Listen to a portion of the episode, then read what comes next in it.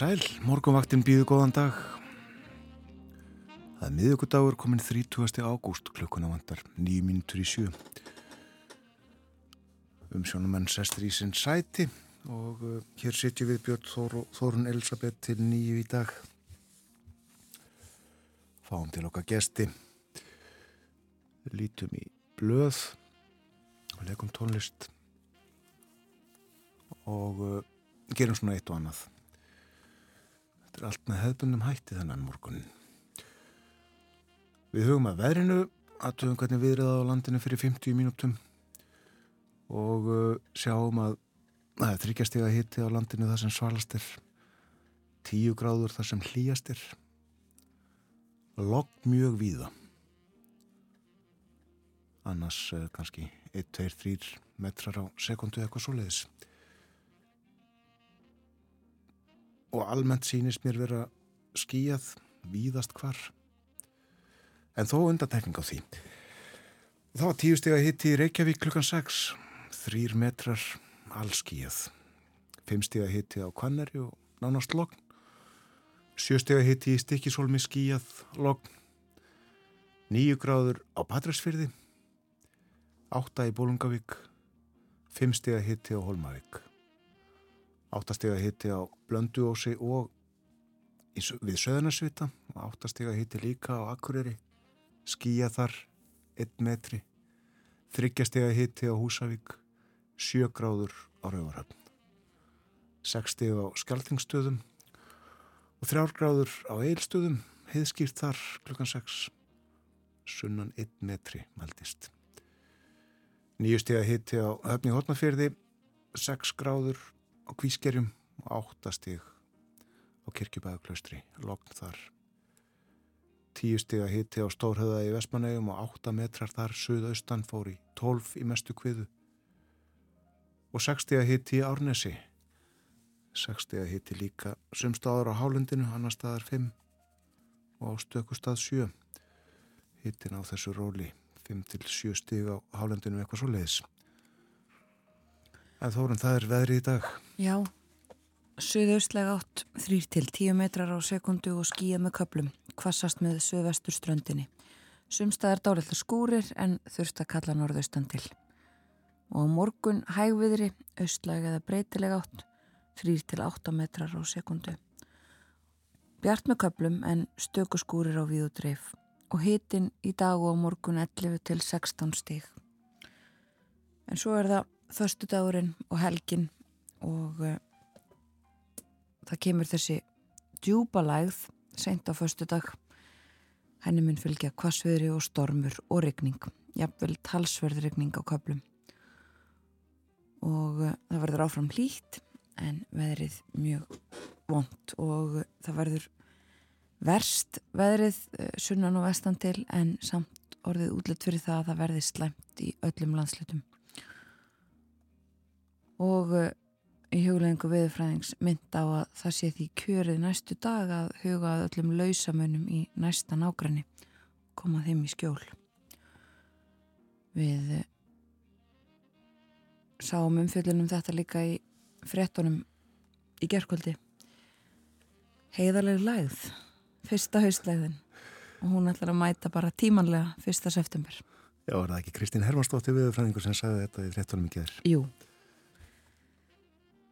átti með því við held ég að hún tengist ekkit fellibil sem fór yfir bandreikin Nei, ekki tengist eh, ekki þessum fellibiljum en eblist og verður stór og sterk, sagði Kristín.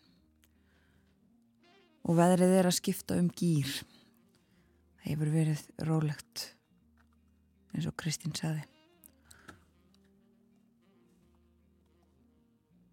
Það er ímislegt að dags frá morgunvaktarinnar í dag. Tölum um dönskmálefni eins og stundum á meðugudum. Við ætlum að tala líka um málefni Úkrænu og uh, svo er það bólusetningar sem við ætlum að um. Meir um þetta allt á eftir. Ég hétti hér í byrjun mánuðar að leika einu sinni á ágúst kvöldi aður en mánuðurinn var í allur og uh, það fara að verða síðustu forfuð hlustum á önnu Pálinu Árnadóttur.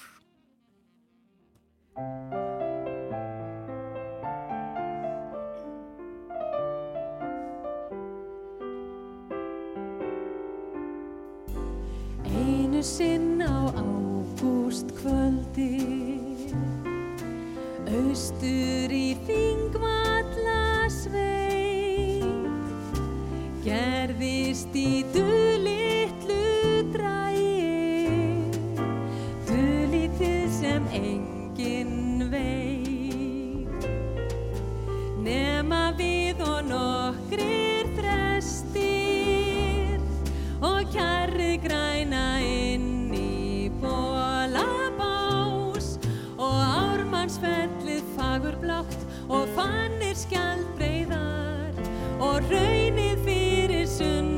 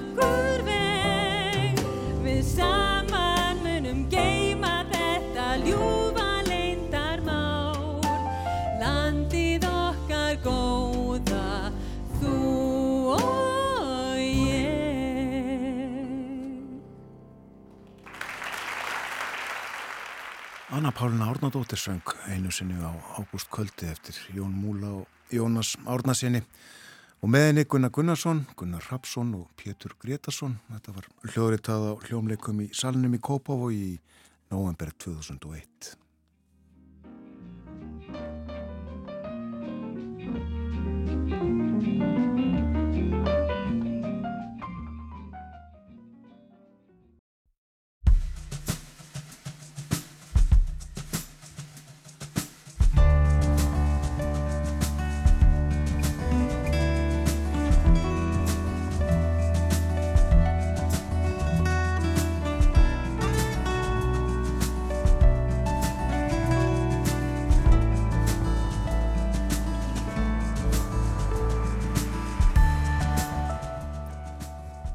Góðan dag. Morgumvaktin helsar miðugudaginn 30. ágúst. Björn Þór Sigbjörnsson og Þórun Elisabeth Bógadóttir eru umsjónumenn. Rússar og úkrænumenn letu vopnin tala í nótt. Rússar skutu eldflugum á Kíf og úkrænumenn gerðu dróna ára á sér á flugöld við skó. Björn Málkvist, fréttamaður, er í Úkrænu þessa dagana. Hann talaði frá höfuborginni í síðustu viku en er nú í Saporizia. Og Björn verði með okkur hér á morgunvaktinu upp úr hálf nýju, segi frá gangi mála í stríðinu og frá því sem fyrir augu hans hefur borið. Við ræðum líkum bólusetningar í þættinum í dag. Ekki bólusetningar við COVID-19, heldur bólusetningar barna. Hvernig gengur að útrýma ýmsum sjúkdómum og hvort mikið sé að breytast í þessum málum. Áskir Haraldsson, yfirleiknir á barnaspítalanum, kemur til okkar um klukkan halv átta. Og svo er það dönsku málefnin, það sem efstir á baui í Danmörku þessa dagana. Borgþór Argrímsson verður hjá okkur eftir morgunfréttir og segir frá stjórnmálum, ástandi mála í Kristjaníu og Eddie Skoller, svo eitthvað sér nefnt. Það snýst allt um þessa fyrstu haustlegð sem er væntanleg, það er að segja í veðrinu. Hún kemur á förstu daginn, ekki fyrir en sent á förstu dag og uh, verður fram á lögadag, söðaustan, stormur og regning á förstu dags kvöld og fram á lögadag og veðri verður verst á söður og vesturlandi en útlitt fyrir að það verði samt slæmt allstaðar. En áður en að því kemur þá er það veðrið í dag og á morgun og uh, það er ágætt. Suðaustlæg átt í dag 3-10 metrar á sekundu, skíja með köplum, kvassast með suðvestur ströndinni. Sumstaðar dálitlega skúrir en þurft að kalla norðaustan til. Og á morgun 50 dag austlægiða breytilega átt 3-8 metrar á sekundu. Bjart með köplum en stöku skúrir á við og dreif og hitin í dag og á morgun 11 til 16 stygg. Vatnið streymir fram eftir farvegi skaftar, skaftar hlaup hófst í gerðmorgun eins og fjallavarum í fréttunum og renslið ekst en það hefur hægt nokkuð á aukningu rensliðsins. Þetta er svolítið snúið en uh, er eins og það er. Og uh, það eru alla líkur á að um hefðbundi hlaup sé að ræða, segja sérfæðingarnir á viðstofunni og svo litil fróðleikur um skaftarhlaup.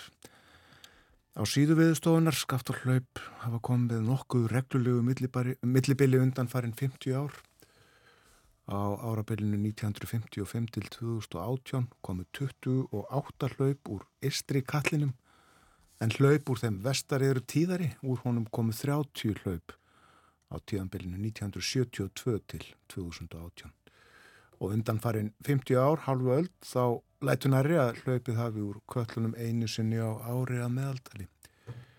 Og uh, áfram segir skaftarkallarnir sem að hlaupin koma úr eru tveir, Istri og Vestari, eru í vestanverðum vatnajökli og hlaup úr Istri skaftarkalli eru að jafnaði stærri en hlaupin úr Vestari kallinum. Og uh, þegar þetta var skrifað í gerðkvöldi, þá kom fram að þeirri væri að rýna gerfitunglamyndir og önnur gögn til að kanna úr hvorum kallinum hlaupið kemur eða hvort hlaup komi úr þeim báðum. Það gerir stundum og uh, gerðist síðast fyrir tveimur árum 2021. Vel hugsanlegt að slikt endur takki sig, segir viðstofan. Nú við lítum í blöð, innlend og erlend, byrjum á fórstíðu morgunbladsins og uh, þar er fjallaðum uh, þessar tilugur sem að starfshópar stefnumótuna verkefnisins auðlindirnar okkar gerðu og uh, kynntar voru í ger. Það gerði Svandi Svavastóttir matfælar á þeirra. Og viðbræðað er leitað, uh, hér er til dæmis tala við uh, frangatastjóra samtaka fyrirtækja í sjáarútvi. Herun Lind Martensdóttir, hún uh, segir maður hefði vonað að tilugur sem kæmu á grundvelli þessarar niðurstuðu væru meira í takt við það hvernig hægt sé að skapa enn meiri verðmæti úr sjáar auðlindinni fyrir samfélagiði heilsinni til skemri og lengri tíma. Hins vegar virðast þær tilugur sem ráþra hefur núna bóðað um hækkun veiðigjálta og tilraunir um uppbóð ablaheimilda vera síst til þess fallnar að auka verðmæti á sjáar auðlindinni heldur þetta móti. Og það er líka rætt við Frankatastjóra landsambands smábáta eigenda. Örd Pálsson hvaðist alfarið mótfallin þeim tillögum ráþeira er varða breytingar á línu ívilnun. Við mótmælum því harlega að það skulle vera stenda því að leggja línu ívilnunina af og svo erum við alveg gáttaður á því að það skulle ekki vera komið til móts við strandveðarnar og aflin aukinn þar. Þessi tillaga eins og hún leggur sér núna það er ekki verið að leita sátta með henni, svo mikið er víst. Er haft eftir erðni hér í morgumblæðinu. En uh, þingmanni samfélkingarinnar, Otni og Harðardóttur, lísti vel og tilögur á þeirra sagt frá hér í undi fyrir sögn. Nú, uh, það er tala líka við uh, Guðmund Magnason, hann er frangandastjóri Inkasso Momentum, það er innheimtustofa og hann líkir áhrifum farsóttarinnar á íslensku innheimtu fyrirtækin við hamfarir. Vanskil hafi þá dreyjist verulega saman, lán hafi verið frist og fyrirtæki fengið fyrirgreðslu til að komast í gegnum erfiðasta kaplan. Og fórsýði myndin eh, af eh, beljandi skaftáni en uh, Hlaupið veldur bændum litlum áhyggjum, segir hér í textaðundi myndinni sem að Jónas Erlendsson tók. Hún er bísna hrikaleg. Lítum aðeins út í heim. Við eh, fylgjumst með atbörðunum í Úkrænu og Rúslandi, nefndum þetta hér í morgun. Uh, nú greint frá því að fjórar fluttningavélar uh, hafi verið skemdar á þessum flugvelli í Rúslandi í, í árásum þar á og uh, líka verða að fjalla um árásutnar í Úkrænu Björn Malmqvist segir okkur nánar frá þessu þegar hann verið með okkur hér upp á klukkan halv nýju en uh, það er ímislegt annað uh, líka fjallaðum það uh, útför Jefgeni Príkusín var haldinn í, í Sankti Pétursborg í gær. Fjölmilar fengu ekki að fara uh, fara þangað en uh, var satt lókuð aðtöfn haldinn og uh, svo eru þetta fjallað töluvert um veður. Þetta ofsa veður uh, og stöðumála í Flórida í bandaríkjónum verða uppfæra bara rétt í morgun þennan storm í sem sagt uh, að þessu skipti kabla það er ekki gular og appisinu gular og rauðar viðvaranir en, en uh, svoleiðis kerfi sem verður að uppfæra og uh, hún uh, þessi fellibillur nálgast sem sagt Flórida búið að loka tögum flugvalla uh, fjöldi síslna þarna sem að uh, þar sem að neyðar ástandi hefur verið líst yfir og talandum flugvelli þá eru á fjölmörgum bresku fórsíðunum fjallaðum áfram þessa lokun eða þessa, þessa trublanir í flugi í Breitlandi flugfélögin sökuðum að hafa yfirgefið uh, farþega og uh, þeir hafa ekki fengið neinar bætur eða neinar upplýsingar um stöðu svona mála. Fjölmörg blöðin í Englandi með uh, þessar frettir á, á fórsíðum sínum. Og uh, sagt frá því líka í uh, breskum fjölmjölum að, að uh, hátsettur ráþeira, það er að segja auðverkisráþeira Breitlands hafi hitt eh, var að fórsetta Kína. Þetta er í fyrsta sinni í nokkur ár sem að svona hátsettur fundur á sér stað á milli ennbætismanna þessar að tvekja ríkja Kom þá aftur heim eh, fyrir fólk sem að misti að því gær eh, kynnt var skýrsla starfsóps um gjaldtöku og arðsemi í Íslensku bankana. Það var Lili Alfredsdóttir viðskiptar á þeirra sem að setja þennar starfsóp á fótu 2022 um höstið fyrir ári og hópurinn hafði það hlutverk að kanna og greina arðsemi og gjaldtöku stóru íslensku viðskiptabankana þryggja meðal annars í samhengi við aðra Norranna banka og meðlið sjón af kvítbókum framtíðasín fyrir fjármálakerfið. Þessi kvítbók kom út 2018 og uh, niðurstöðunar dragna saman í þrjár fyrirsagnir í frétt á vefstjórnaráðsins. Það eru svona vakstamunur meiri á Íslandi, ógagsa gjaldtaka, herri kostnaður vegna greiðslu miðlunar. Skýsluna má finna á áðurnendum vef. En uh, í dag, klukka nýju, eftir tæpar tvær klukkustundir, þá hefst húsnæðis þing að því standa innviðaráðanettið og uh, húsnæðis og mannverkjastofnun. Þetta þing, svona ámóta þing, húsnæðis þing, hefur verið haldið núna í nokkur skipti, ég held fyrst 2017 og þá koma því íbúðalan og sjóður sem var á hitt. En uh, hér við borðið hjá okkur er sest Anna Guðmunda Yngvarstóttir, hún er aðstóða fórstjóri húsnæðis og mannvirkjastofnar. Góðan dag og velkomin til okkar. Já, góðan daginn. Hver er uh, tilgangurinn já markmiðið með því að halda húsnæðisting? Já, tilgangurinn er og hefur alltaf verið frá 2017 einmitt að, að opna þessa umræðu og, og fá semst, í raun og veru alla að borðinu til þess að ræða húsnæðismál. Eh, tilgangurinn í ár er, er eh, alveg sérstaklega að sá að ræða einmitt kvítbók eða þar að segja stefnu í húsnæðismálum. Þannig að hérna, við fáum svona rattir allra hagaðala sem er náttúrulega bara almenningur og allir sem að hér búa og starfa fá rætti þeirra og, og heyra svona hvað e, hvað áherslu skuli lagðar í stefnu stjórnvalda í húsnæðismálum. Er stefna til? Það er í raun og veru ekki til stefna, svona húsnæðistefna eins og, eins og við erum svona að leggja einviðar á þeirra að leggja upp með hann í dag. E, einviðar á þeirra er semst í dag að kynna e, í fyrsta skipti stefnumótun í húsnæðismálum sem að hérna mun þá gilda til svona lengri tíma. Þetta er stefna sem að, uh, er til 15 ára og á samt 5 ára aðgerra átlun og já, þetta er fyrsta skipti þannig að það má segja, hún hefur ekki verið til tannig séð, ekki svona, svona fastmótuð þinga til. Mál til komið kannum einhverju að segja. Heldur betur mál til komið. Fá alla borðinu segiru, ég sé í uh, kynningu að það, það eru mörg borð og það er margt fólk sem tala á húsnæðistingi í dag.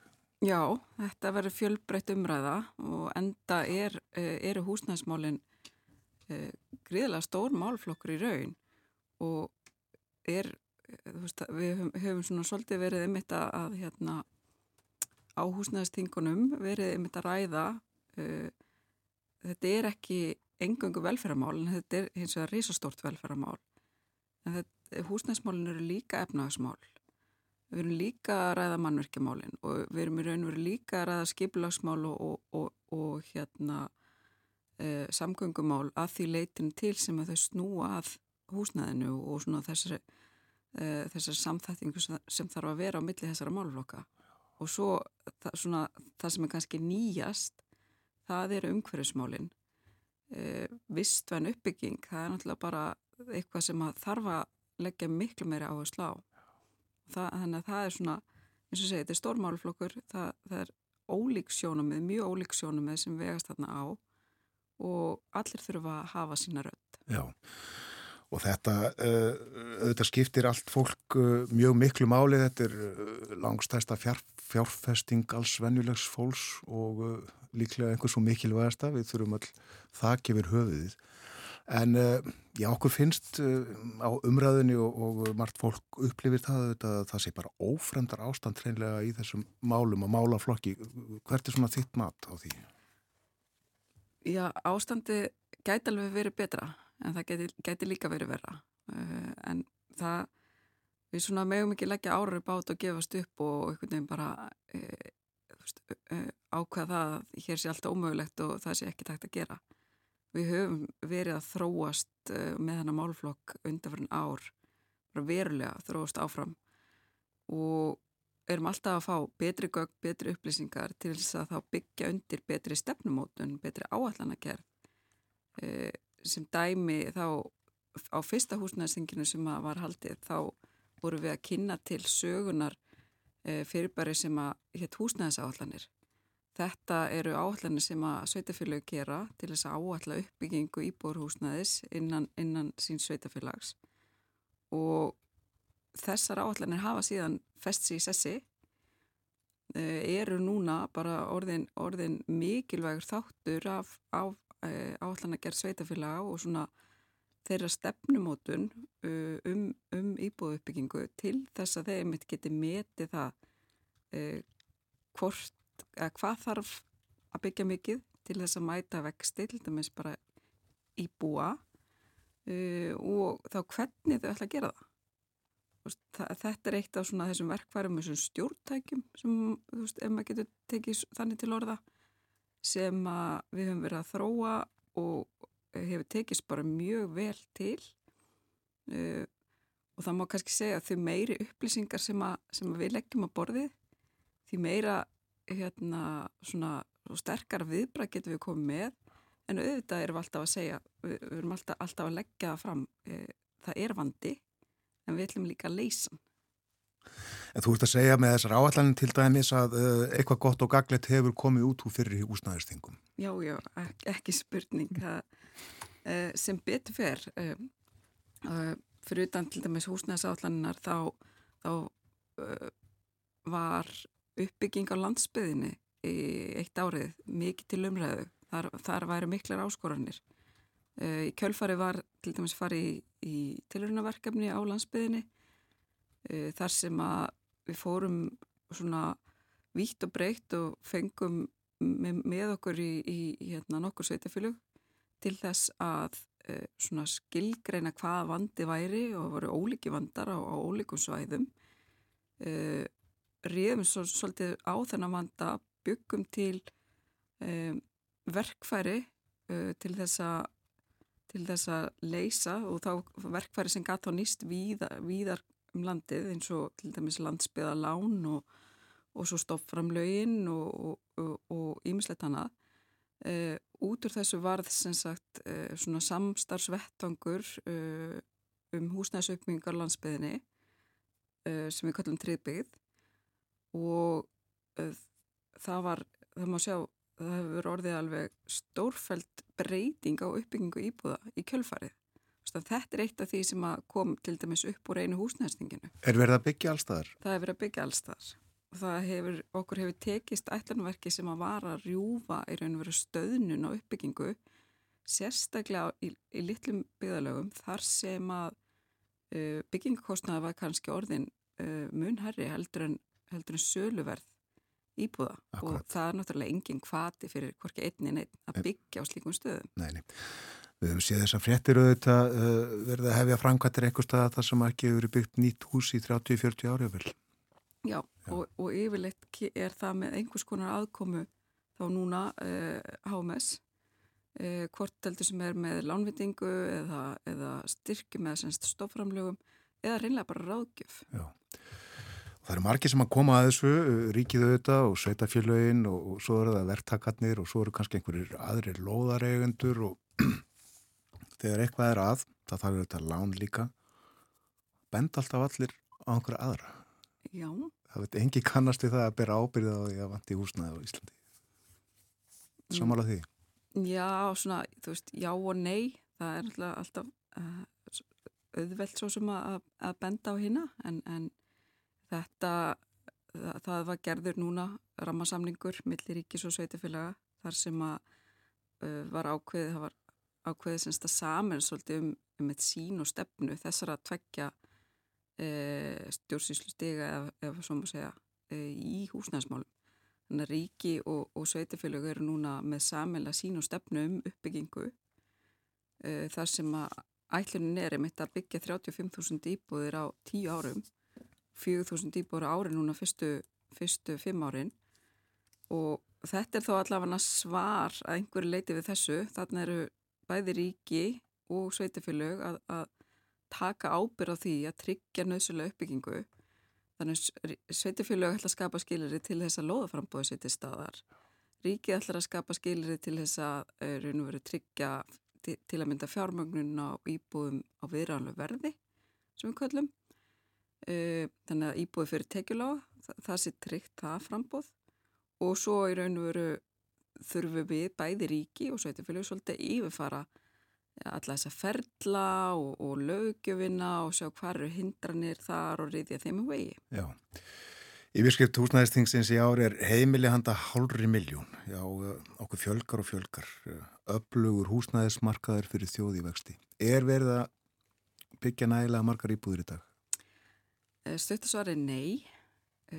Það er ekki alveg verið að byggja nægilega margar íbúður í dag og maður hefur alveg skilning á því að það hægi á uppbyggingu þegar að umhverfið er eins og það er. Það náttúrulega hækkaði mjög mikið húsnæðsverð sem að, sem að svona, þú veistu við vitum, afleðingarnar eru örglega að stóru leiti þáttur líka í þessari, þessari verðbólgu baráttu sem við erum í en á sama tíma þá náttúrulega þurfti aðgerðir til þess að, til þess að, svona, að, að draga úr þessari miklu eftirspurt sem varð og aðgerðirnar hafa gert það að verkum að það er minni eftirspurt, eh, þær hafa skila þeim árangri og á þeim sama tíma þá eiga kannski byggingaræðalara erfitt með að sjá til lands með það að þeir geti selt allar þar íbúður sem, sem að við metum þörf fyrir. Eh, þannig að maður skilur það alveg að, að það eru svona blíkur og lofti með þetta. Um, Íbúur uppbygging hefur aðeins verið að dragast saman en það er eins og það er eiginlega það versta sem getur við gerst. Við þurfum nefnilega bara að halda áfram og þurfum að trekja stöðu og uppbyggingu íbúða og það er sérstaklega það ríkistjórnin uh, ákvaða auka stöðning við uppbyggingu íbúða innan almenna íbúðakerfisins, það er eins og til dæmis íbúður hjá Bjargi uh, og inn í hlutildalánakерfið til þess einmitt að reyna auka frambóðið, komið frambóðsstuðning.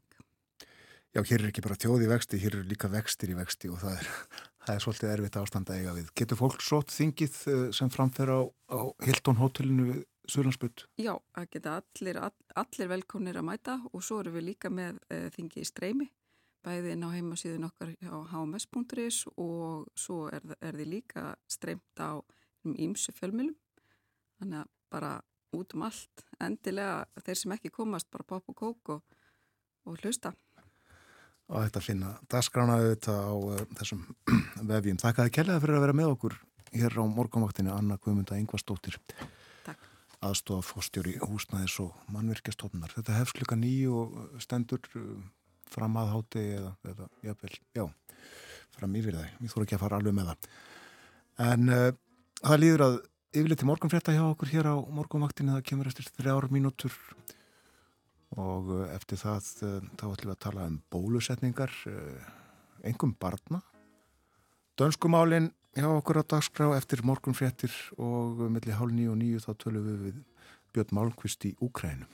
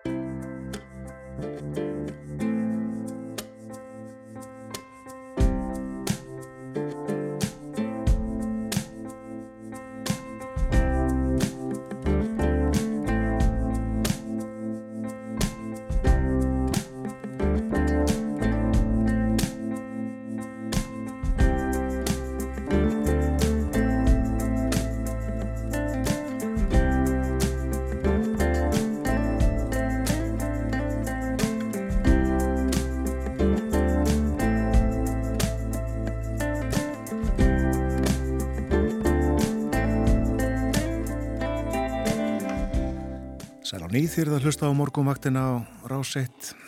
Það er miðugudagur í dag, vinnuvikan hálnuð og næst síðasti dagur ágústmánuðar sá 30. styrir dag. Klukkan er núna réttliðilega hálf átta.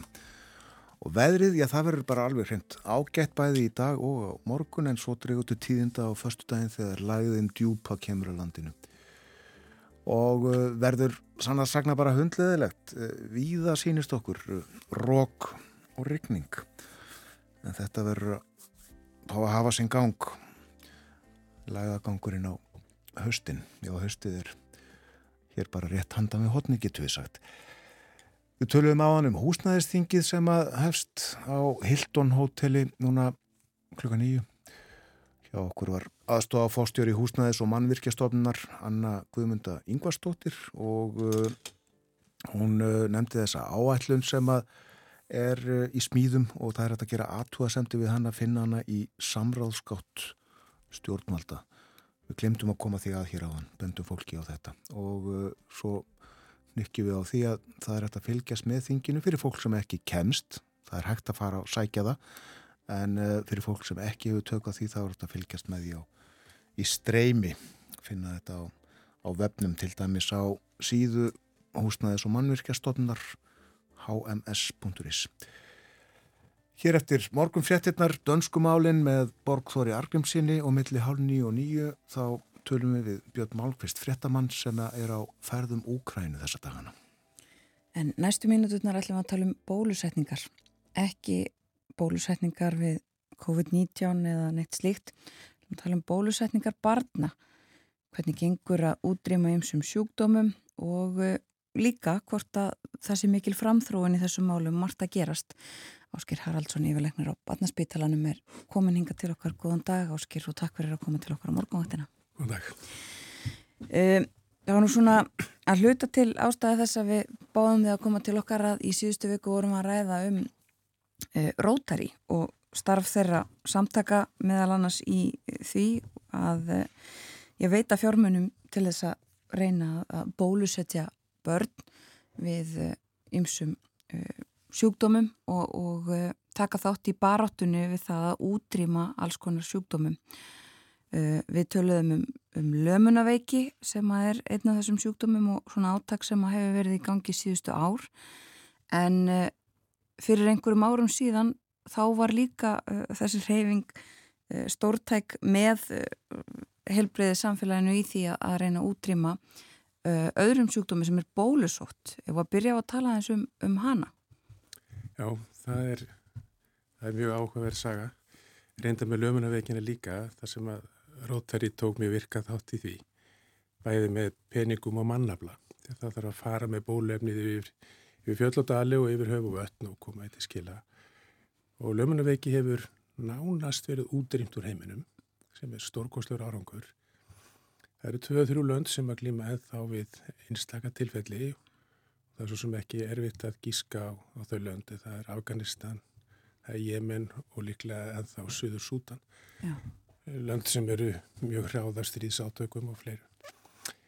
En uh, það er mjög fáin með fá tilfelli heiminu núna og það, og það er ekkert svo langt síðan að lömunaveiki var heiminu. Mér finnst ég að vera ungur. Uh, eitt besti vinnu pappa minns fekk lömunaveiki og, og sýsti mömmu fekk lömunaveiki. Já.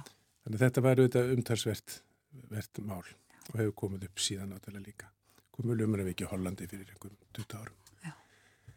En pólusóttin það, það er einlega stórkoslega saga og svona ef maður mára pildu væminn þá þá held ég að það sé svona einn af stærri sigrum mannkynsins að útrýma virkilega, virkilega verulega vondum sjúkdómur heiminum. Bólusótt er þannig að þeir sem fá bólusótt að svona þriðjungur þeirra, 25-30% þeirra sem fá bólusótt þeir deyja. Stór hluti þeirra sem lífur af bólusótt uh, uh, ber þess merki alla æfi. Þannig að þetta var verulega vondu sjúkdömur og, og menn á svona að vera áallega hversu mörg líf bólusótt tók og á síðustu öld þá er talið svona það metið svo eins og að, að stríð, stríðsátök og opnaskak slíkt hernaður hafi tekið 100 miljón mannslíf á jörðinni. Þetta er skrítin dýrategund sem við tilurum. 100 miljón mannslif í stiðisátök og vopnaskak beint og óbeint, sumir degi á vígvellunum aðri degi í, í, í uh, alls svona farsóttum eða, kannski bara hungursneið í kjölfarið 100 miljónir á sama tíma er álitið að 300 miljónir af þetta áður bólusót að þetta er verulega vondur sjútumur og menn glimtu við þetta mjög langan tíma að reyna að, að komi vekk fyrir bólusótu Það eru, það eru svona gögnum það sem bendur til þess að kynverjar hafi reynd að gera þetta lungu fyrir krist fleiri hundur ára, kannski þúsund ára fyrir Krist.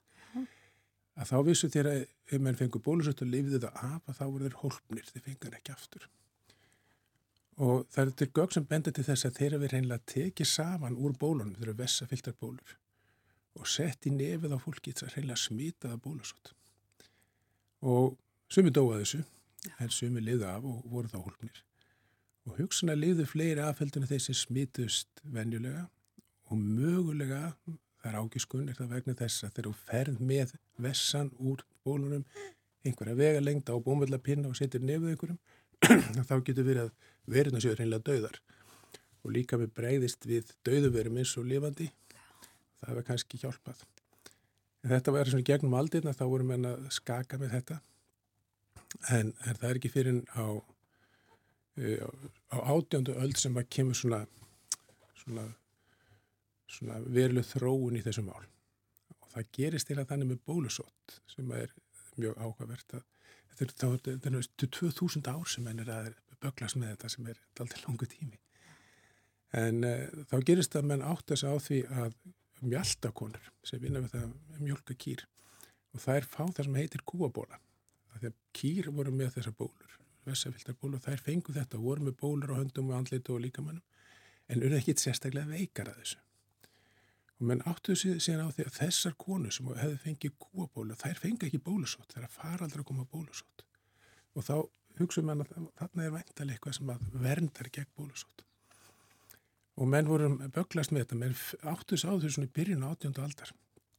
En það er ekki finnir lók átjónda aldar sem að Edvard Jenner gerir þessa frægu en vissulega mjög umdeildu svo vaksill orðatekið tilraun. Þar sem að hann eh, tekur fátakan dreng, svon garðarkjumassis og eh, tekur vessa úr bólum hjá mjöldakonum og opna sár hjá drengnum og setur vessan þarna í. Mm. Hann verður svona aðeins lasin en ekkit veikur og hjara svo bara við. Og þá er það sem að Jennir eh, útsetur hann fyrir bólusót sem að er vega sett aðvarsand. Drengur var svona til og lítið lasin en, en hjara við og hann endur tók þetta marg oft útsetið fyrir bólusót og hann fekk aldrei, aldrei bólusót. Nei. Og það sem er líka svolítið merkilegt að þetta er í lók á svona 1796 eitthvað sliðis sem að gera þess að tilrönd og, og þetta verður svo eldur um sínu um heiminn. Og mér er þessu upp á litla Íslandi þá er byrjið að bólusetja bara mjög snemma á næstu öld innan við áratug síðar. En allt einhverju samtlað til longa tíma bólusetja líka lágtekjulöndin og það sem er verið kringustöður og það er ekki fyrir þess að þetta miðja síðustu öll svona milli 1960 til 70 sem að alltaf heilbísmálustofni fer í málið og, og ég held að Rótari hef einnig komið að, að því máli. Já. og þá var öll heimsbyðin uh, bólusett. Og því lísti yfir í lók uh, 8 áratu 1977 að það verið búið að útrýma bólusóttur heiminum. Já. og nokkur voru síðan var hægt að bólusetja svo það er, er ótrúlegur ótrúlegur ánangur að losna við, við svona böl. Já Og þetta er hægt, það er hægt að útrýma. Þetta er nefnilega hægt Já. og, og er erfiðara með mm. aðra sjúkdóma, þetta er hægt fyrir sumasjúkdóma, þetta er hægt fyrir, fyrir til dæmis lömunaveiki, þetta er hægt fyrir bólusótt. Þetta er eh, erfiðara með til dæmis eins og influensu sem er líka í ymsum dýrategundum. Þannig að það er, verður þrautin þingri og líklega mjög erfitt en, en eh, en þetta er hægt fyrir sömursjúkdóm og við sjáum það bara ef maður, ef maður horfur á árangun á Íslandi. Lömunuveiki er ekki sérst og Íslandi vil engi mislingar eru farnir og mislingar eru, eru vondur sjúkdómur. Já. rauður hundar sem að skoðu ófætt börn hér áður og, og er ekki til lengur. Eh, badnaveiki sem tók mjög mörg líf á síðustu öll á Íslandi og allstaðar er ekki til lengur Íslandi. Eh, heilönubólka veldum bakterja eða er ennþá til staðar en, en allt öðru stað heldur náður var. Uh, voru þannig að það voru sérstaklega þrjár tegundir af bakterjum sem að allir kannski lang flestum heilunum börnum.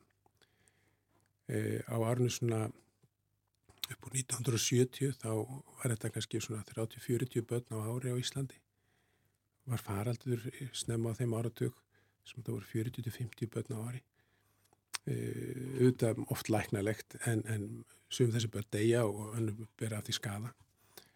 Uh, við höfum núna bólusett gegn þessum þremur bakterjum uh, með frábærum árangur og, og þetta er, er orðið sjálfgefur sjúkdómur á Íslandi núna.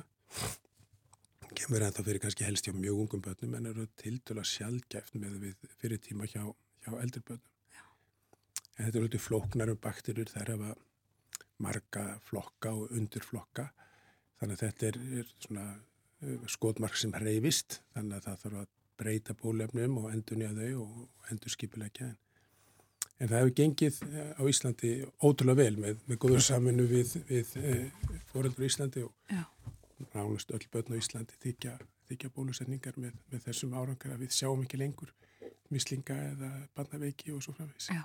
Já, það er þannig, mann að það var talað svolítið um það, svo sem kannski á heimsvísu ekki endilega bara hér á Íslandi að fólk hafði áhugjur af því svona síðustu árin í, í tengslum við COVID-19 faraldur og svoleiðis að það myndi hafa áhrif á aðrar bólusetningar og, og mætingu í svoleiðis en, en við höldum kurs í þessu, við erum Já, það, gekk, vel á Íslandi Já. og, og uh, við getum verið, verið stolt af því. Já. En uh, það er alveg rétt að í láttökjulöndunum að þá var þetta erfiðara, bæði uh, var aðgengið á bólefna erfiðara og, og, uh, og svona ímser utan að komandi þættir sem að, sem að trubluð þetta ferli. Þannig að, að sjúkdómur sjálfur sem, í löndum þar sem að faraldunum var mjög, mjög erfiður og hættulegur, að þar var aðgengi fólks að heilbyrðiskerfi verra Já. og það er ymitt fækkaði komum í, í, í bólusetningu batna. Við erum bísna nærriði að útrýma mislingum. Uh, það var þannig að það, það dó mjög, mjög mörg, þetta var einn af algengustu dánarósku batna í heiminum. Uh, við höfum nátt gríðalum árangur með alþjóðlegu samstarfi, með aðstóð Bill and Melinda Gates Foundation sem hafa held í þetta peningum, alþjóðlu samstarf, alþjóðabankin, alþjóðheilbjörnsmórstofnum og fleiri aðeinar. Þannig að það var náðast góður árangur en það samt er að þannig að á hverju klukkustund á degja nokkur börn í heiminum úr mislingum við erum að spjalla ekki saman í, í, í, hérna, í morgun útvarfinu þá eru nokkur börn að degja úr mislingu sem er óþarfið að það er hægt að koma í vekk fyrir hennar sjúkdum þannig að það degja kannski tíu börn á klukkutíma sem eru þetta bara mjög sorglegt. Já. maður getur hort á glasi hvort sé hálf fullt eða hálf tómt það hefur gengið frábælega en það er verk óunnið.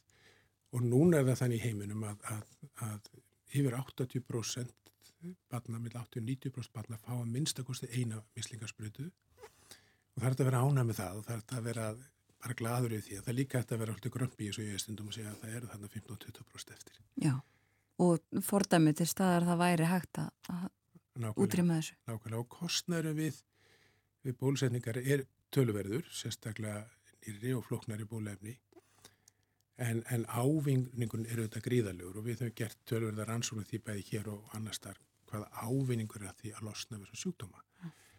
Því við vorum að tala þarna um, um, um bólusótt, e, þá er það verið reiknað e, hvað það kostaði að útrúma bólusóttur heiminum. Og við reiknað út hvað, hvað, hvað sem margar miljónir í dólarum eða efrum eða hvað, hvað er, ég kann tölunar ekki. En það hefur líka verið reiknað út að hér í síðustu viku þá voru einhverjar mjög glæslegar herrþóttur við æfingar. Það hefur ekki verið smíðað mjög marga slíka þóttur, einhverju nokkru týr. Þróun á kostnar og framleiðslu kostnar sem herrþum hefur mjög mikill. Það er fljúa rætt og það eru flottar og það sjást ekki á ratar, það er ekki að bora kjarnar og sprengjur. Aftur þetta er skrítið en dýratögund sem við tilirum. Kostnar við eina slíka herrþóttu er tölvört meiri heldur en að kosta í raun og veru að útrýma bólusóttur heiminn. Já. Þannig að, að slíku samabörðu er þetta smáparingar. Já, það er svolítið svakalegt samhengi. Það er aldrei svona tröflandi, já. Já. Um, svona síðustu mínúturnar hérna í þessu spjalli ásker, kannski við tölum um, við höfum talað svolítið um, um stöðun eins og hún er núna og, og það sem að leðið er, en hvað með það sem að er framöndan? Er mikil framþróun í uh, bóluefnum við svona sjúkdómum sem að herja á börn? Það er ótrúlega framþróun í þessu það þarf svolítið endunni fyrir bólefni og, og það er ný bólefni að, að, að koma markaðin og svo er meira og meira farið að uh, rannsaka það að vinna með sömu aðferðir og nóður í bólefni til þess að stýra ónæmiskerfinu, til að stýra bólgum og þá er þetta að nota svipar aðferði til að minka aðrar bólgur í öðrum sjúkdómum. Og það er það sem er mjög heillenda á næstu, næstu árum og áratugum.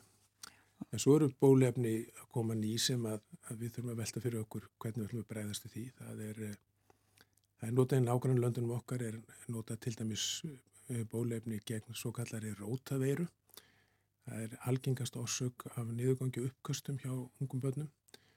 Eh, oft er þetta mjög bagalegt þess að krakki geta árið veik og þau smita út frá sér og fóreldrar og sískinni verða veik. Sum þessara barna verða tölut mikið veik og leggjast inn á spítala og geta jáfnvel fengið krampa og svo framvegs en kannski oftast er þetta bagalegt. Og það er til nokkuð gott bólefni þessu sem er einfalda að gefa þið munn, bara drópar um munn sem er notaðið löndumni kringum okkur. Kannski er þetta eitthvað sem við ættum að fara að taka. Mm -hmm. Uh, í blöðum og daginn þá voru svolítið hrettir um þróun á bólusetningum gegn eh, RSVF veirunni. Það er mjög áhugavert hvernig við ætlum að breyðast við henni. Já, það er þetta sem að herjar, hvað er þetta, svona kvefpest eða eitthvað sem að herjar mjög illa á? Kemur á hverju ári okay. og fyrir sko, fyrir krakka og jáfnveg fulluna þá er þetta svona leiðenda kvef en uh, lítil börn uh, innan áskumul eða sérstaklega innan hálsás, þau getur að tölu mikið veik, sérstaklega börn sem eru viðkvæm fyrirburar eða börn með viðkvæm lungu og einning aldraðir sem að geta að fara ílut úr þessari veru. Og nú komið bólefni sem að allmörg fyrirtæki hafa þróað og það hefur verið skrásett fyrir aldra, það hefur verið að byrja að nota það svona ekki almennt heldur kannski á eldurnar heimilum eða það sem að við viljum ekki fá svona, svona hérna, litlar farsóttir. Og nýla var það skráð í bandarökjunum e, til þess að bóluslega barsamandi konur.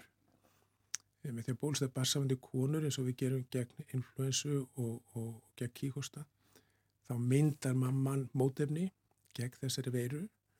Mótefni fara yfir fylgjunandi bassis þannig að það er vernda þegar það fæðist og þau mótefni duga í kannski kannski fjóra til sex mánuði en síðan fara þau úr líkamannum og þá þarf að leita á enn ráð en en þetta verður gert í sumi fylgjum bandaríkjana og verður frólitt að fylgjast með því. Mm. Önnu þróun sem er kannski ekki síður áhugaverð, eh, við höfum notað það á Íslandi og, og, og alls þær í, í hátökjulöndum, að þá eru til mótefni sem er að búa til gegn RS veirunni. Það er alveg dýrt en við höfum notað þetta á börn sem eru mjög viðkvæm, börn sem eru miklu fyrirbyrja, lungna auk börn, og þá er að gefa þetta í vöðva og þetta er ekki sett bólusetning, heldur eru bara að gefa mótöfnin eins og líka með myndi búið til. Og þetta þarf að gera á hverju, í hverju þegar þetta fyrir hluti rætt úr líkamannum. En núna er komið ný útgafa þessu lifi sem að er að gefa einu sinni og þá virkar það í 4-6 mánuði. Þannig að börn sem eru viðkvæm, þess vegna all börn við viljum það, væri að gefa þessu spröytu á fyrsta ári, verndaðu gegn eh, RS-veirunni á fyrsta ári, þau fá hana þá á næsta ári að þetta fer úr líkamannum en þá eru þau líka miklu betur stakkbúin til að glíma við þetta þannig að það er mjög margt að gerast margt sem ættir að velta vöngum yfir. Já, akkurat. Og uh, við erum farin að bólusetja börn við hlaupabólu. Uh, sko, er ykkur svona fleiri sjúkdómar sem er verið að þróa eða hugsa um að gera eitthvað í eða erum við að fara að bara ná utanum allt sem að þarf? Nei, við verðum aldrei ná utanum það. En það verður mjög spennandi að sjá hvernig við getum eh, eh, styrt betur ónum við skernum sem myndist á þann Hlaupabólu bólusetningi við gengið mjög vel í Íslandi og verður mjög, mjög aðtilsverð verður ára okkur eins og annar staðar. Mm -hmm. Það sem að væri frólægt Íslandi væri held ég rótaverðan en síðan þarf og það er mikilvægt að það, við þurfum að fá betra bólefni gegn influensu influensan breytir sér hverja ári, hún er í alls konar dýr, hún er í svínum og nautugripum og feyðurfjó og höndum og gæsum og svo framvegs og mjög erfið hvernig hún breytir sér þar frá ári til ás og þannig að þá lítill tími til að búa til nýtt bólefni í hversin. Þannig að við þurfum að finna bólefni sem að virkar gegn influensa og þó sem þessu leiti stökkbreytið hinn á þessum dýrum. Já. Og framlöslu ferli er þetta alveg langt. Mm. Þannig að það held ég að sé svona næsta mikilvæg að skrifa að fá alvöru gott svona bólefni gegn, gegn influensu. Ég lagði þess. Já, rétt í lokin, uh, það hefur aðeins verið fjallað um undafarið eh, tölverð veikindi hér á landi. Það verðist vera svona ímislegt að ganga og, og fólk lasið og hóstandi og svona. Um, hafið þið fundið fyrir þessu á spítalanum? Já, heldur betur og síðasti vetur var hjá okkur á bandarspítalari ringsins var það var mjög, mjög erilsamt og, og starfsfólkið stóð sér algjörlega frábælega í gríðalegum önnum. E, fengum allt mögulegt. Allar pestar sem að við hefum séð svona hér og þar og hinga og þangað á undanum árum. Er heldust yfir okkur síðast lið vetur og væntalega skýringin að hluta til svo að, að þessar pestar sem koma svona jæmt og þjætt, svo myndar maður mótum og færa þá ekki aftur. Þegar í gegnum COVID-tíma þá, þá komu þessar pestar ekki, mjög litlu mæli og þá þegar að lindi þeim ósköpum, þá fengum við þetta svolítið, svolítið í hausin. Við vonum vitunni vitur verið skari. Já, við skulum vona það.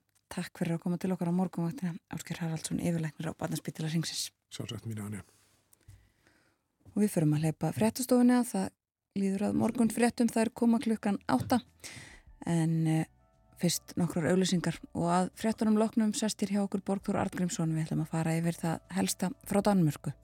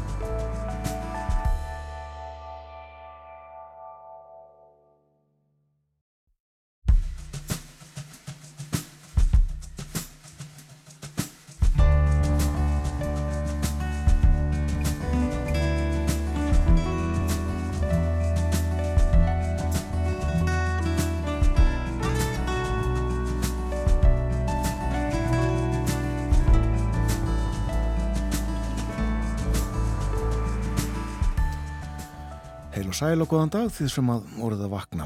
Þetta er morgunvaktin á rás 1 klukka núna 6 minútur gengin í nýju. Það er miðugudagur í dag, 30. ágúst. Ég minni á að eftir fréttaði við litið, eftir 25 minútur eða svo, þá tölum við gegnum síma við Björn Málmqvist fréttamann. Hann er í Úkrænu, hefur verið þar síðustu daga, við tölum við hann í síðustu viku, þá var hann í höfuborginni, Kænugarði, en uh, er núna komin Suðurabóin í landinu er í borginni Saporizia og verður hér á línunu á eftir. En næstu mínútur ætlum við að fjalla um dönsk málefni. Borgþór Argrímsson er komin til okkar í hljóðstofu. Góðan dag. Góðan dag. Við ætlum nú að tala um ímislegt. Ég nefndi í kynningu fyrir morgun að við minnum aðeins tala um uh, Eddie Skoller, við ætlum að tala um stjórnmál og við ætlum að tala um ástandi í Kristjaníu. Byrjum hins vegar á ferfallingum sem að hér voru líka til umfjöldunar fyrir tveim vikum eða svo. Já, um, tilefni þá var það að það var nýloki talningu brottgalta í Danmörku þegar í fyrstu og, en tölurna voru ekki komnar þegar að, þegar að við vorum að tala hérna um þetta en núna eru tölurna komnar og samkvæmt þeim þá telur brottgaltastofnin í Danmörku í kringum 25.000 dýr eða minnstakosti það. Tilmælin voru þau að allir brottgeltir sem tilsægist lifandi eða döðir eru taldir og það kom fram að 10% þeirra brottgalta sem sáust og er í talningunni voru döðir, flestir orði fyrir bíl. Já, þeir eru stöður í lífsættu, þarna í borg, borgarlandinu. Já, þeir, og já, já, og, og bara alls það í Danmörku líka á Jólandi, menn keira mjög hratt viða í dreifbílinu og þeir eru nú ekki frára fætti og, og geta nú ekki forðað sér, blessaður ef að, ef að hætta stæðjar að og nú alltaf brottgalta vinir að, að kortleggja nýðustöðu þessara talningar sem vantarlega verður nú endur tekin á næsta ári eða árum. Já, já nei, brottgaldurinn er ekki sprett hörð tegund. Nei, þeir, þeir eru sko mjög hægfara. Það er skjálpökunni heldur. Já, þeir, já, einmitt, þeir eru það, þeir eru það. Segjum þetta gott af uh, brottgaldum, uh, tölum um ástandið í Kristjaníu og fjallaðum um Kristjaníu núna á dögunum og það kom auðvitað ekki til að góða. Nei, það er rétt. Um, 30 maður var skotin til bana á lögataskvöldið síðasta í húsi sem að nefnir stjerniskipið og er við, við Púsestrít og fjóri til viðbóta særðust. Lögreglan telur sig vita að morðið tengist uppgjöri tveggja glæpa klíka, Hells Angels og Loyal to Familia en þessa klíku tvær þær berjast um yfirráðin yfir vímuefna eða eitulífja markanum í Kristjaníu og þar eru mikla fjárbunni að ræða.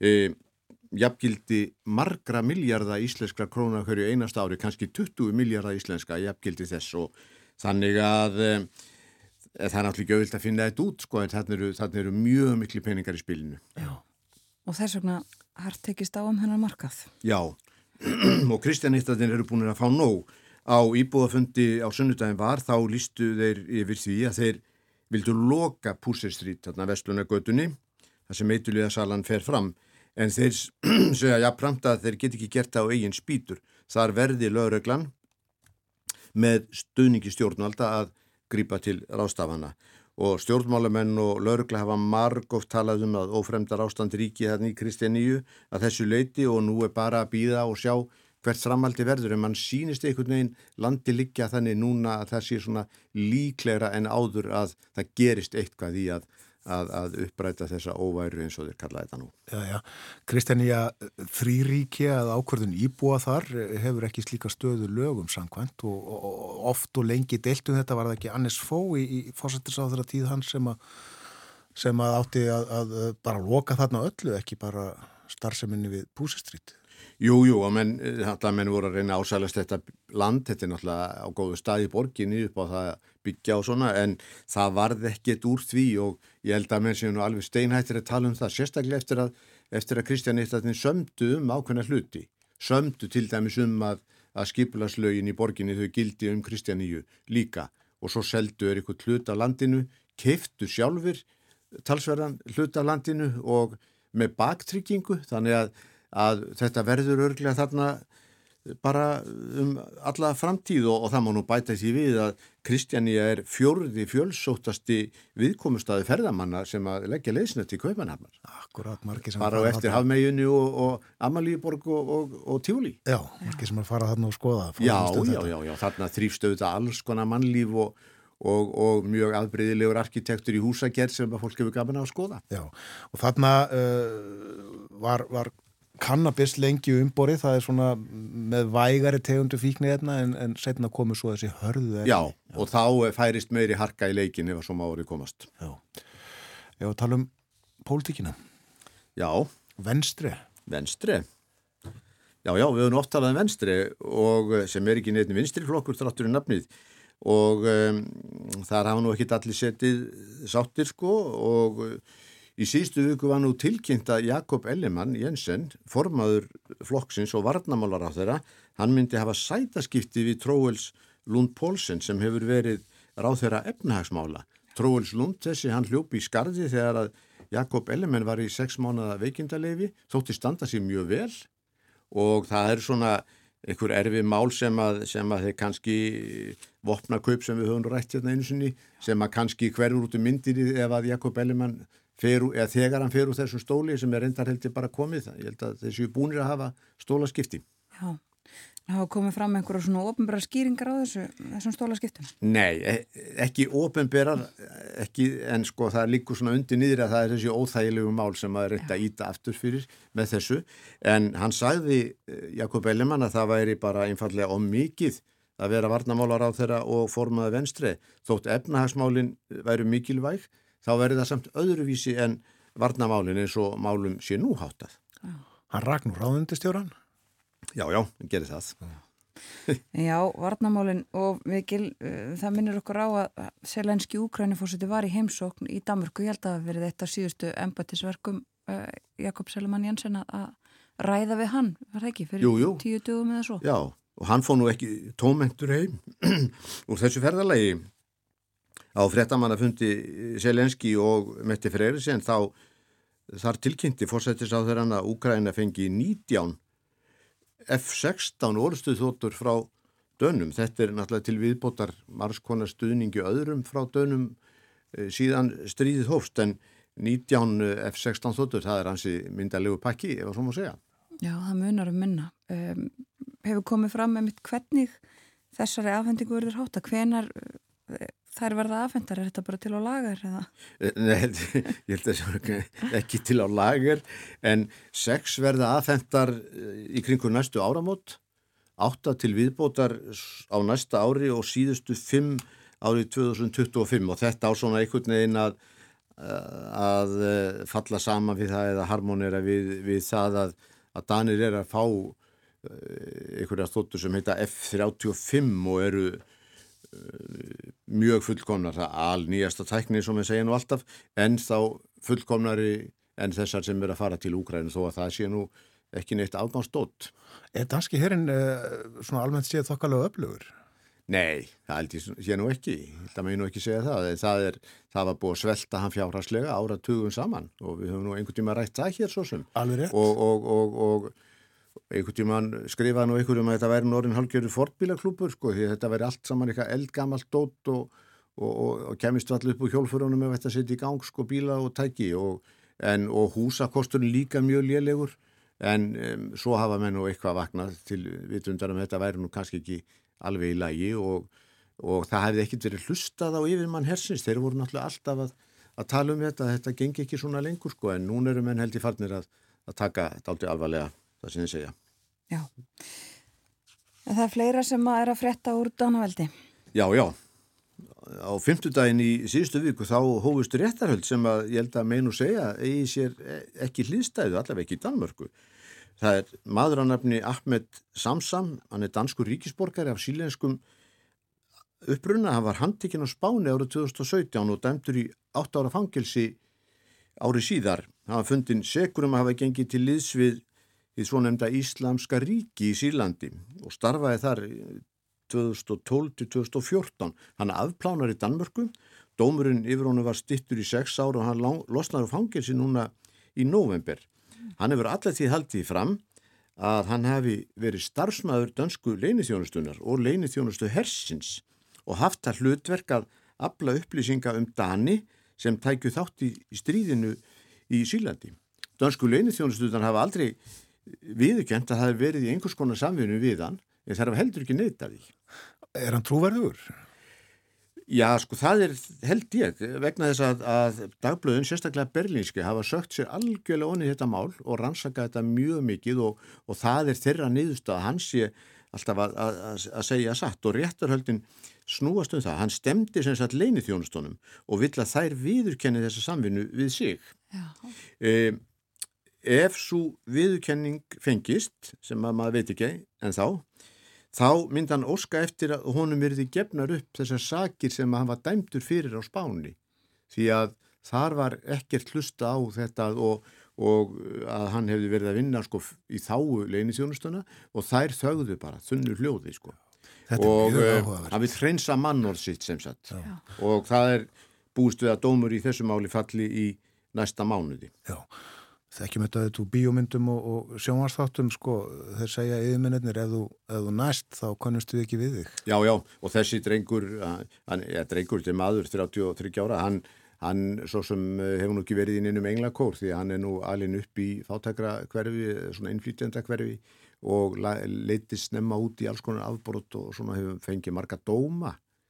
En e, en maður veit ekki hvað gerist. Lýður að því að niðurstaða fáist? Já, já, það, það er hérna, það er alveg reiknað með því að, að, að dómur er fallið núna í næsta mánuð og svo losnar það sko í november. Já, einmitt. Snúm okkur að öðru, uh, fyrir tveimur dögum var greint frá því að Eddie Skoller, þjóðþektur danskur söngvar og skemmtikraftur, væri látin. Um, hann var mjög vinsætl á sínum tíma bæði í Danmörku og já, víðar. Já, já hann var það og uh, þið spilu nú einmitt lag með honum hérna um daginn sem var eitt af hans tektu lögum. Hann var mjög vinsætla á, á 8. og 9. áratug síðustu aldar og hann kom heldir tvísvar hinga til hans. Ég sá hann sjálfur í gamla bíó, það var óborganlegt alveg. Uh, hann var alltaf einn á sviðinu, bara með gítar og, og um, spilaði og söng og, sagði sögur, hann fylgti alla sali og, og mikið hleyið og hann var hagfræðingur að ment starfaði reyndar stutt á þeim vettvangi og um, snýri sér bara að skemmtana bransanum eins og það nú kallað. Hann var svona minna ábyrjandi á síðari árum en hann var eiga síður alltaf að skemmta í svona minni, við minni viðburði og var, var mjög eftirsóttur þánga til hann dróðs í hlýja vegna veikinda fyrir svona þón okkur síðan núna. Kom hingað og hefur líklega farið víðar. Já, farið, já, farið mjög víða og, og það sagði mér nú eitt Dani að, að Danir hefur kannski bara uh, ofmettast af honum því að hann var allstaðar. Já. já. Það getur gerst. Já, já það, við þekkjum það nú vel, það getur gerst. Já. En uh, ljómandi lagið mitt sem við leikum hér á mánadsmorgun. Já, já, já, já, já, þekktast en nú kannski svona í margra hugum þarna learn in school today þar sem hann, þar sem hann hermir eftir sko uh, tungutaki og málfari frá mörgum landum. Margi þekkjan á þetta lag. Alveg rétt. Og uh, talandum tónlist, uh, það er komið að danska læginu sem að er sem sagt ekki með þetta í skólir að þessu sinni. Nei, það hefði nú verið fristand að spila eitthvað með honum uh, En eh, ég valdi lag með Shubidua og ástæðan fyrir því er svo að, eh, sem ég ætla að segja, að þessi vinsara hljómsitt, hún hætti 2011 eftir að Mikael Bunnesen sem var nú svona söngvar og leiðtogi og eins konar svona tákn Shubidua, hann viktist þá mjög alvarlega, eh, lést svo 2017 en þeir hættu semst 2011 og En núna, í tíleifnis þess að það eru 50 ár síðan hljósutin var stopnud, þá ákváðu gömlu félagarnir að taka upp þráðin og halda nokkra tónleika og kalla þetta Sjúbilæjum. Já. Og þetta var nú ekki neinn ástarvelli hljómsveit. Eh, þeir tölu svungu mjög lítið um ástina en um allt mögulegt og lagi sem við heyrum það heitir Vúfili Vú og fjallar um fjórfættan vinn þess sem segir söguna í lægin og það er Mikael Búnisinn náttúrulega sem syngur. Kæra þakki fyrir að vera með okkur í dag, Borgþór Arvinsson. Já, takk sem liðis.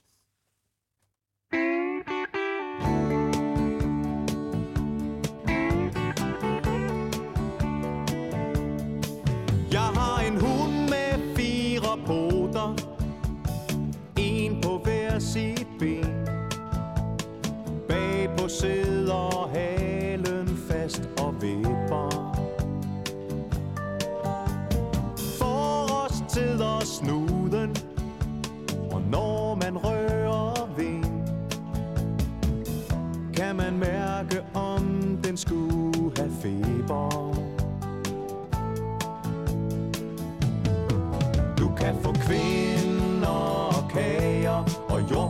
sjov.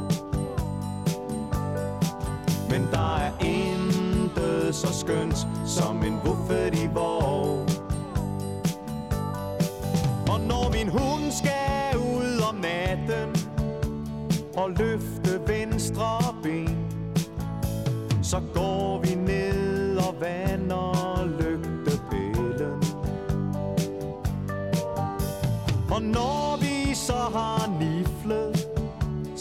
have en lille en For vi ved at øl er meget sundt for sjælen. Du kan få kvinder og kager og jordbær for sjov.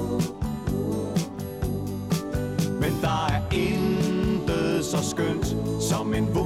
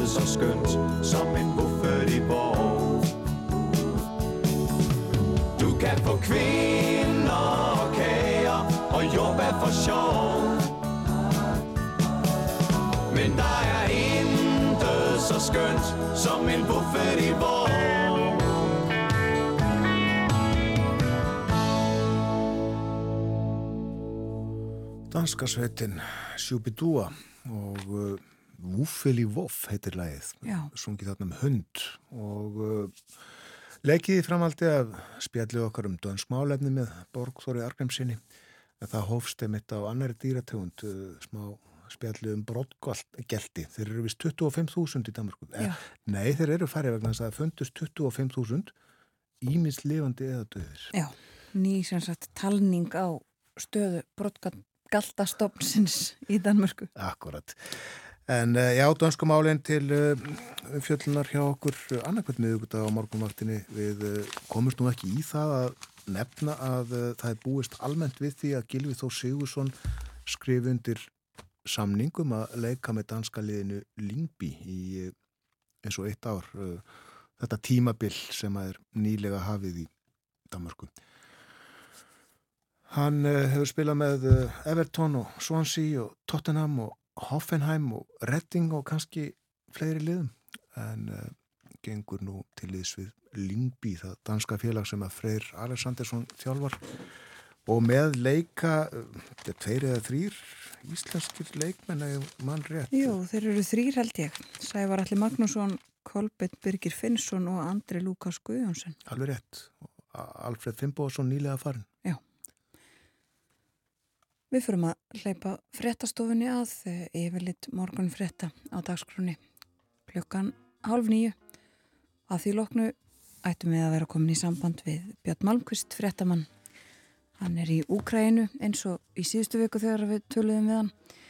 Nú er hann komin til Saboritsja og eh, við ræðum við hann um málefni Úkræinu hér eftir nokkra mínútur.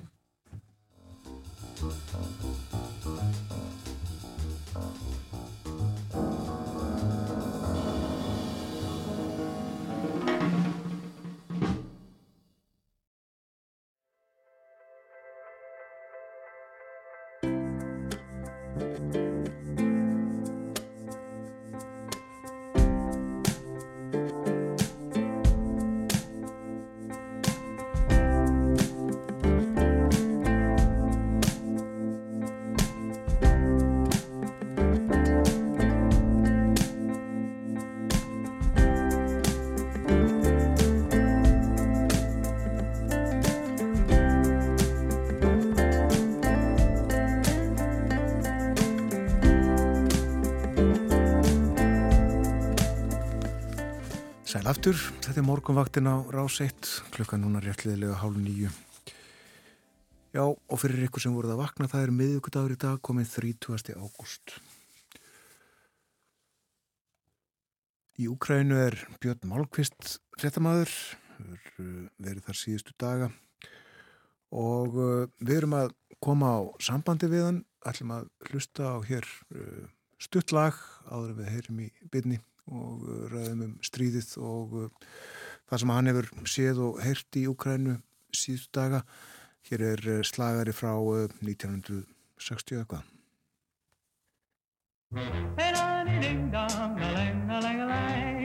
Oh,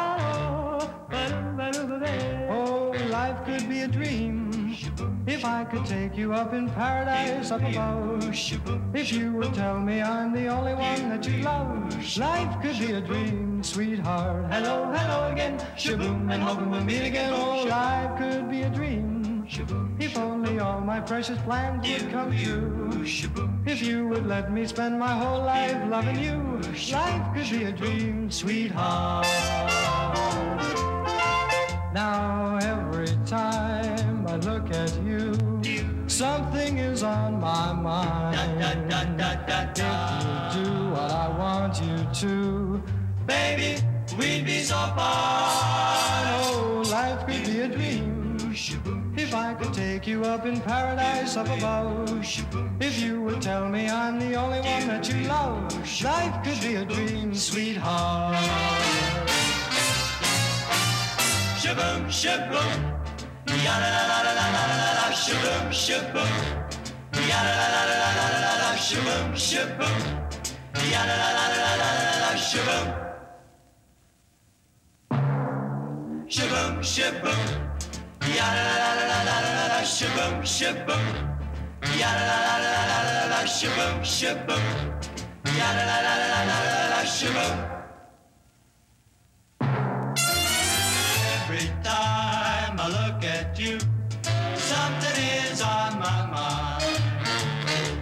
You do what I want you to, baby, we'd be so fine. Life could be a dream if I could take you up in paradise up above. If you would tell me I'm the only one that you love. Life could be a dream, sweetheart. Hello, hello again, shaboom, and hoping we'll meet again, boom, shaboom. Hey, la, dee, ding, dong, la, lang, la, lang, la, lang, shaboom, ba, do, ba, do, ba, ba, ba. Life Life could be a dream, sweetheart. Life could be a dream. If only all my precious plans would come true. If you would let me spend my whole life loving you. Life could be a dream, sweetheart. Do.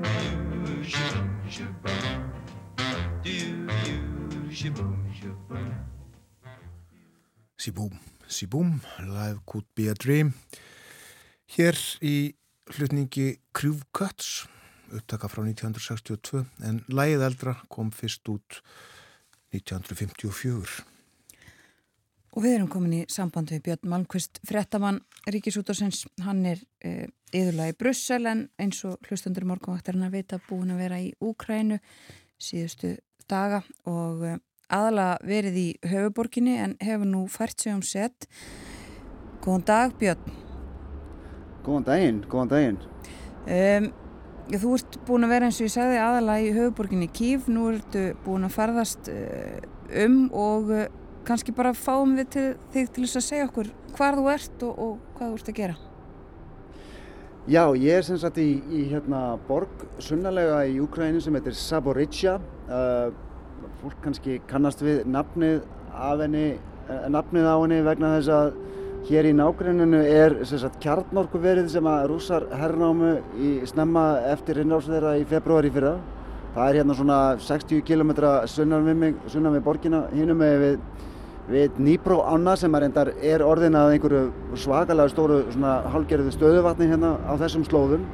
Uh, Saboritsja er líka sagt Saboritsja hérads sem að uh, og þar eru þar er svona hluti af gagsóknar aðgerðum uh, úkrænumanna gegn rússum í gangi bara þessa dagana. þessi borg, við erum kannski svona 50-60 km frá výlínunni. Hér eru tíðar viðvaranir uh, vegna loftárása. Við heyrum akkurat núna kannski ef við heyrið, ef við heyrið hérna í fjarska þá Já. heyrið þið í flautunum sem er að bjalla bara, sem að byrjuðu bara að bjalla fyrir svona 30 sekundum síðan.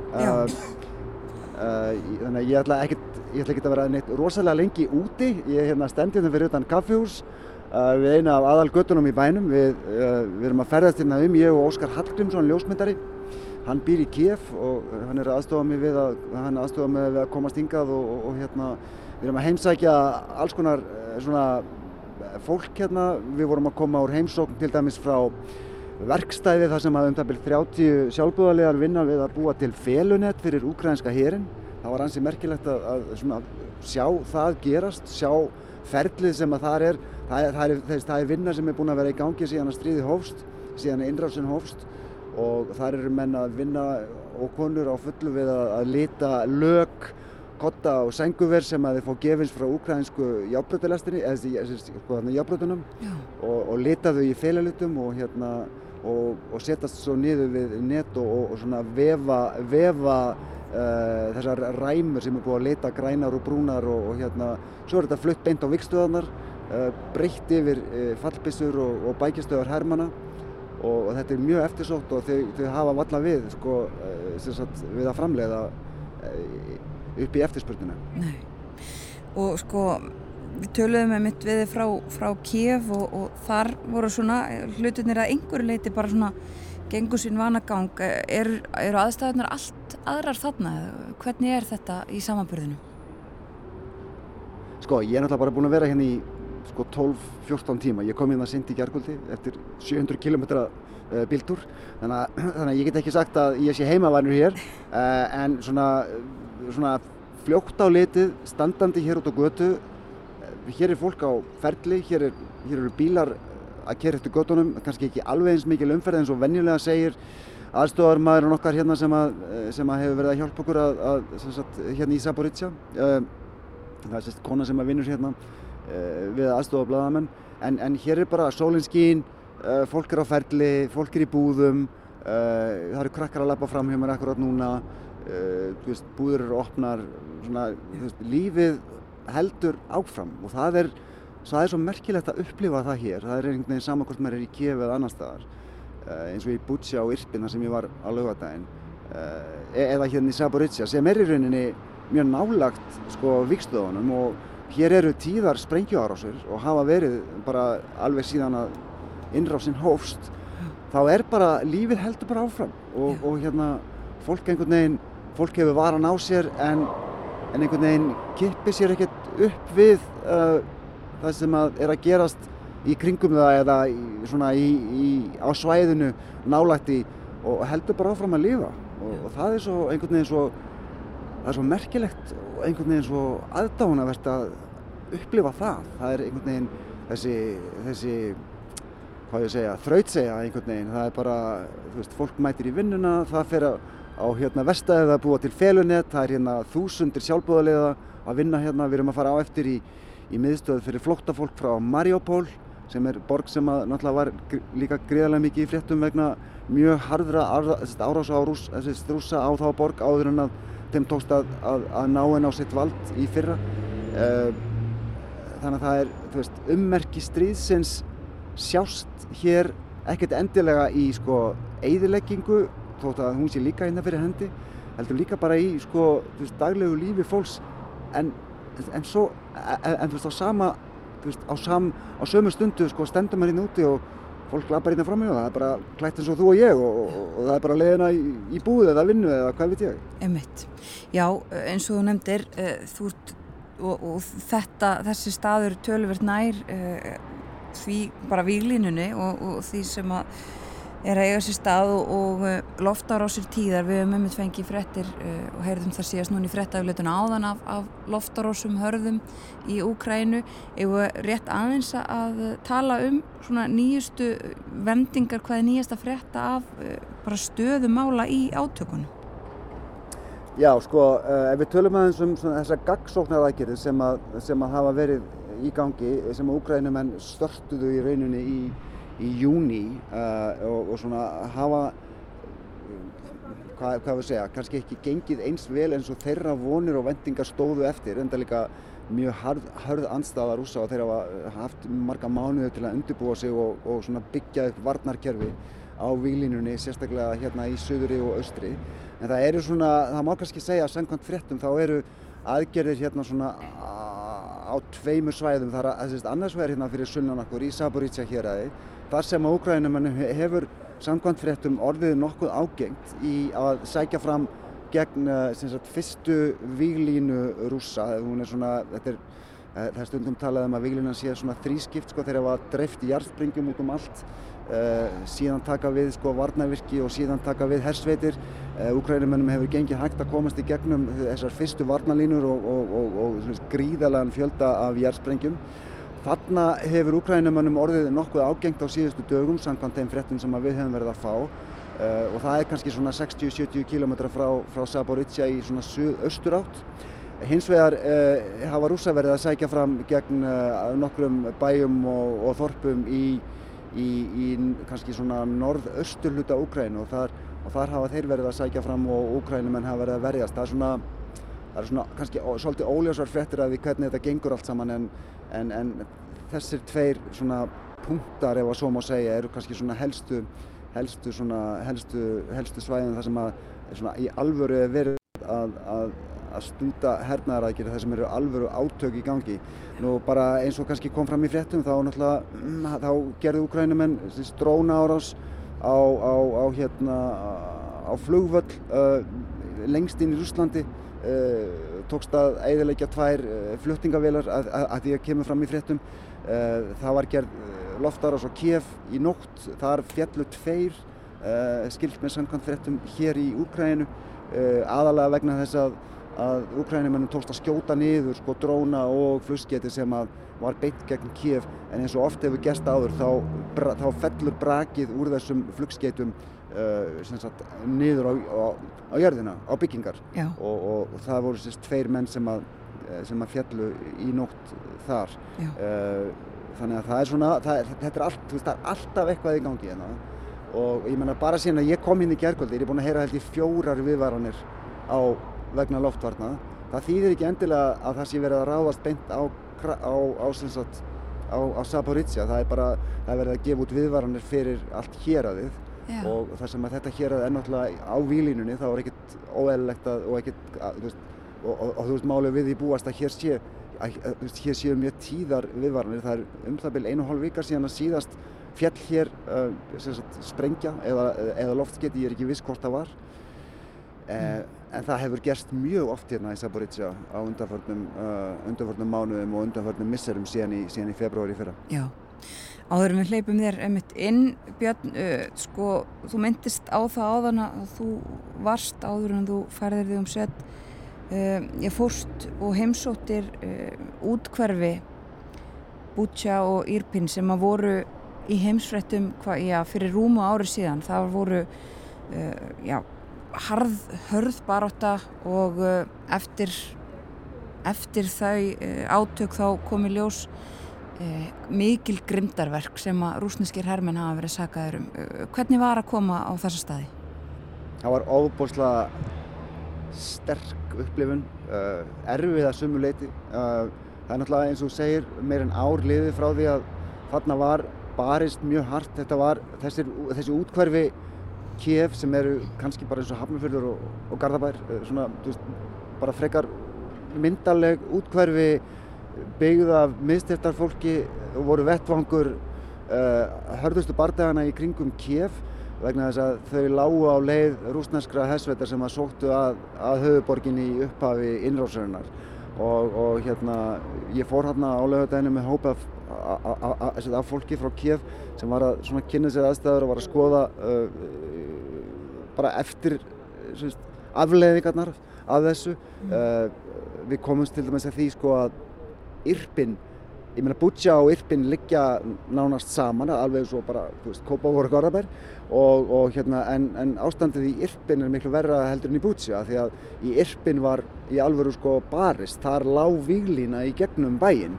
Og á meðan í Butja sko rúsa lögðu undir sér Butja og voru þar í nokkrar vikur þannig að þeir voru hraktir í burtu í lok mars ef ég man rétt það var þá sem að öll þessi voðaverk komu í ljós fjöldaborðin á almennum borgurum í Butja sem sem að við náttúrulega munum eftir úr fréttum og, og, og voru í öllum heimsins fjölmiðlum þar að meðal hjá okkur í ríkutúrútvarpinu og, og hérna þú veist, við fórum inn í kirkjuna þar sem að fjöldagraf, þar sem að var veist, fjöldagraf fyrir aftan kirkjuna uh, þar voru um 120 manns sem að, sem að hérna, voru grafin. Það eru fleiri fjöldagrafir í Bútsja uh, sko, þetta var bara mjög erfið upplifun og hérna en líka ofbúslega lærdomsrikt að því að veist, þarna er bara fólk núna, þú veist, núna er börn, þú veist, þú veist, börn er að, leika sér, fólk er á göttunum, bílar að keira og, og það er endur uppbyggingastarfið hafið, þótt að gangi kannski ekki alveg eins vel og íbúðarnir vilji, þá bara, þá er það þannig.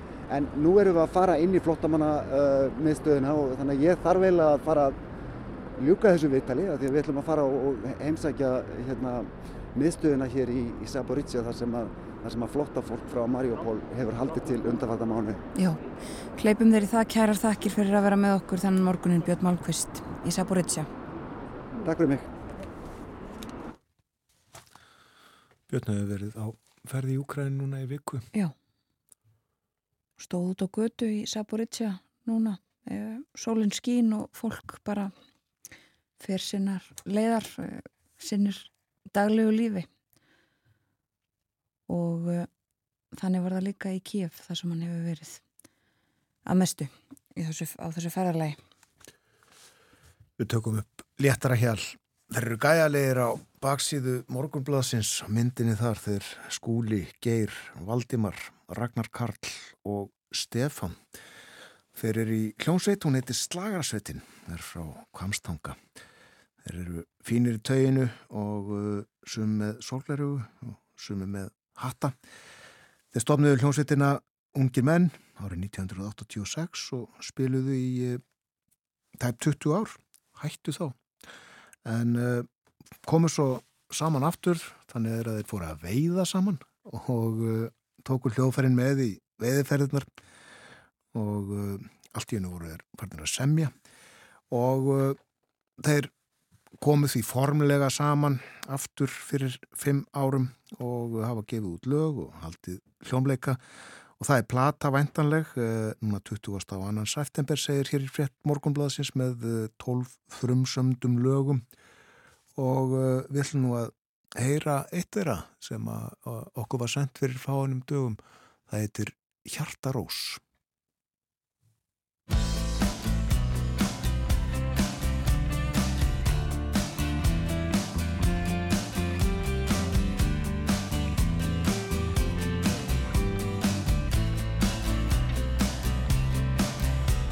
Þegar skuggarnir lengjast Kemur veturinn kaldur Þegar frostin er bítur Kemur þú með þinn galdur.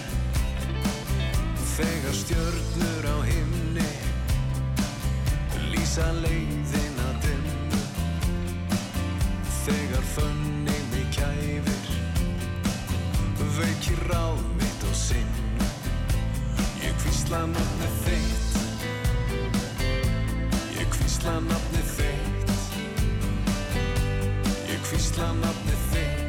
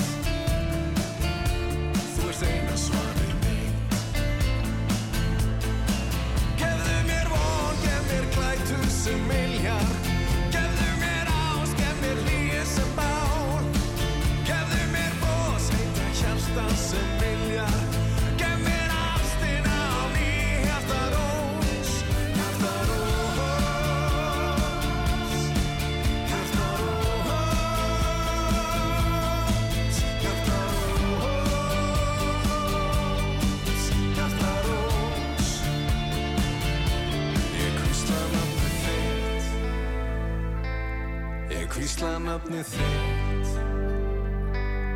Ég kvísla nafnið þitt. Þú ert eina svarið mitt. Gefðu mér von,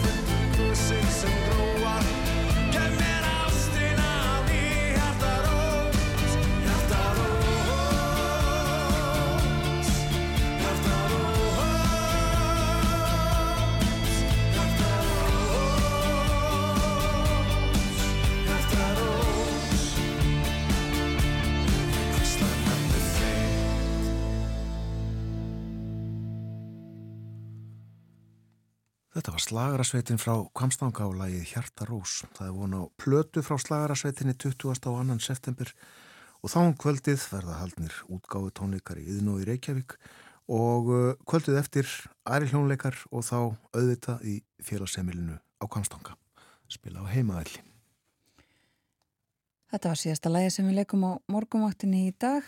Um, setið hér síðan snemma í morgun. Björn Þór og Þórun Elisabeth fjallaðum ímislegt eins og anjulega töluðum um húsnæðisting sem að er að hefjast núna uh, klukkan nýju. Hægt að fylgjast með því á ímsum miðlum meðal annars á vef húsnæðis og mannverkjastofnunar. Við töluðum um bólusetningar og uh, árangurinn sem að náðst hefur í bólusetningum badna. Áskir Haraldsson var með okkur. Svo voru það dönsk málefni með Borgþóri Argrimsinni og nú í síðasta hluta þáttarins eh, vorum við í Úkrænu með byrni Malmqvist. Spólum aðeins tilbaka nikkjum á því sem að Ásker sagði um kostnaðin við að útrýma sjúkdóm. Já, hann uh, tók dæmi af því að í um daginn þá var hér á landi einhver mjög uh, fullkomin springjuflugvel. Kostnaðurinn við að þróa og framleiða hana töluvert meiri en kostnaðurinn við það að útrýma bólusótt á heimsvísu. Svona er nú veröldin sem við höfum byggt okkur. Já. Og ymislegt annað fróðlegt sem að kom fram í spjallinu við Áskir.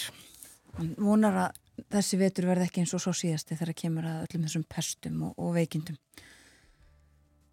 En þessu er lokið hjá okkur í dag.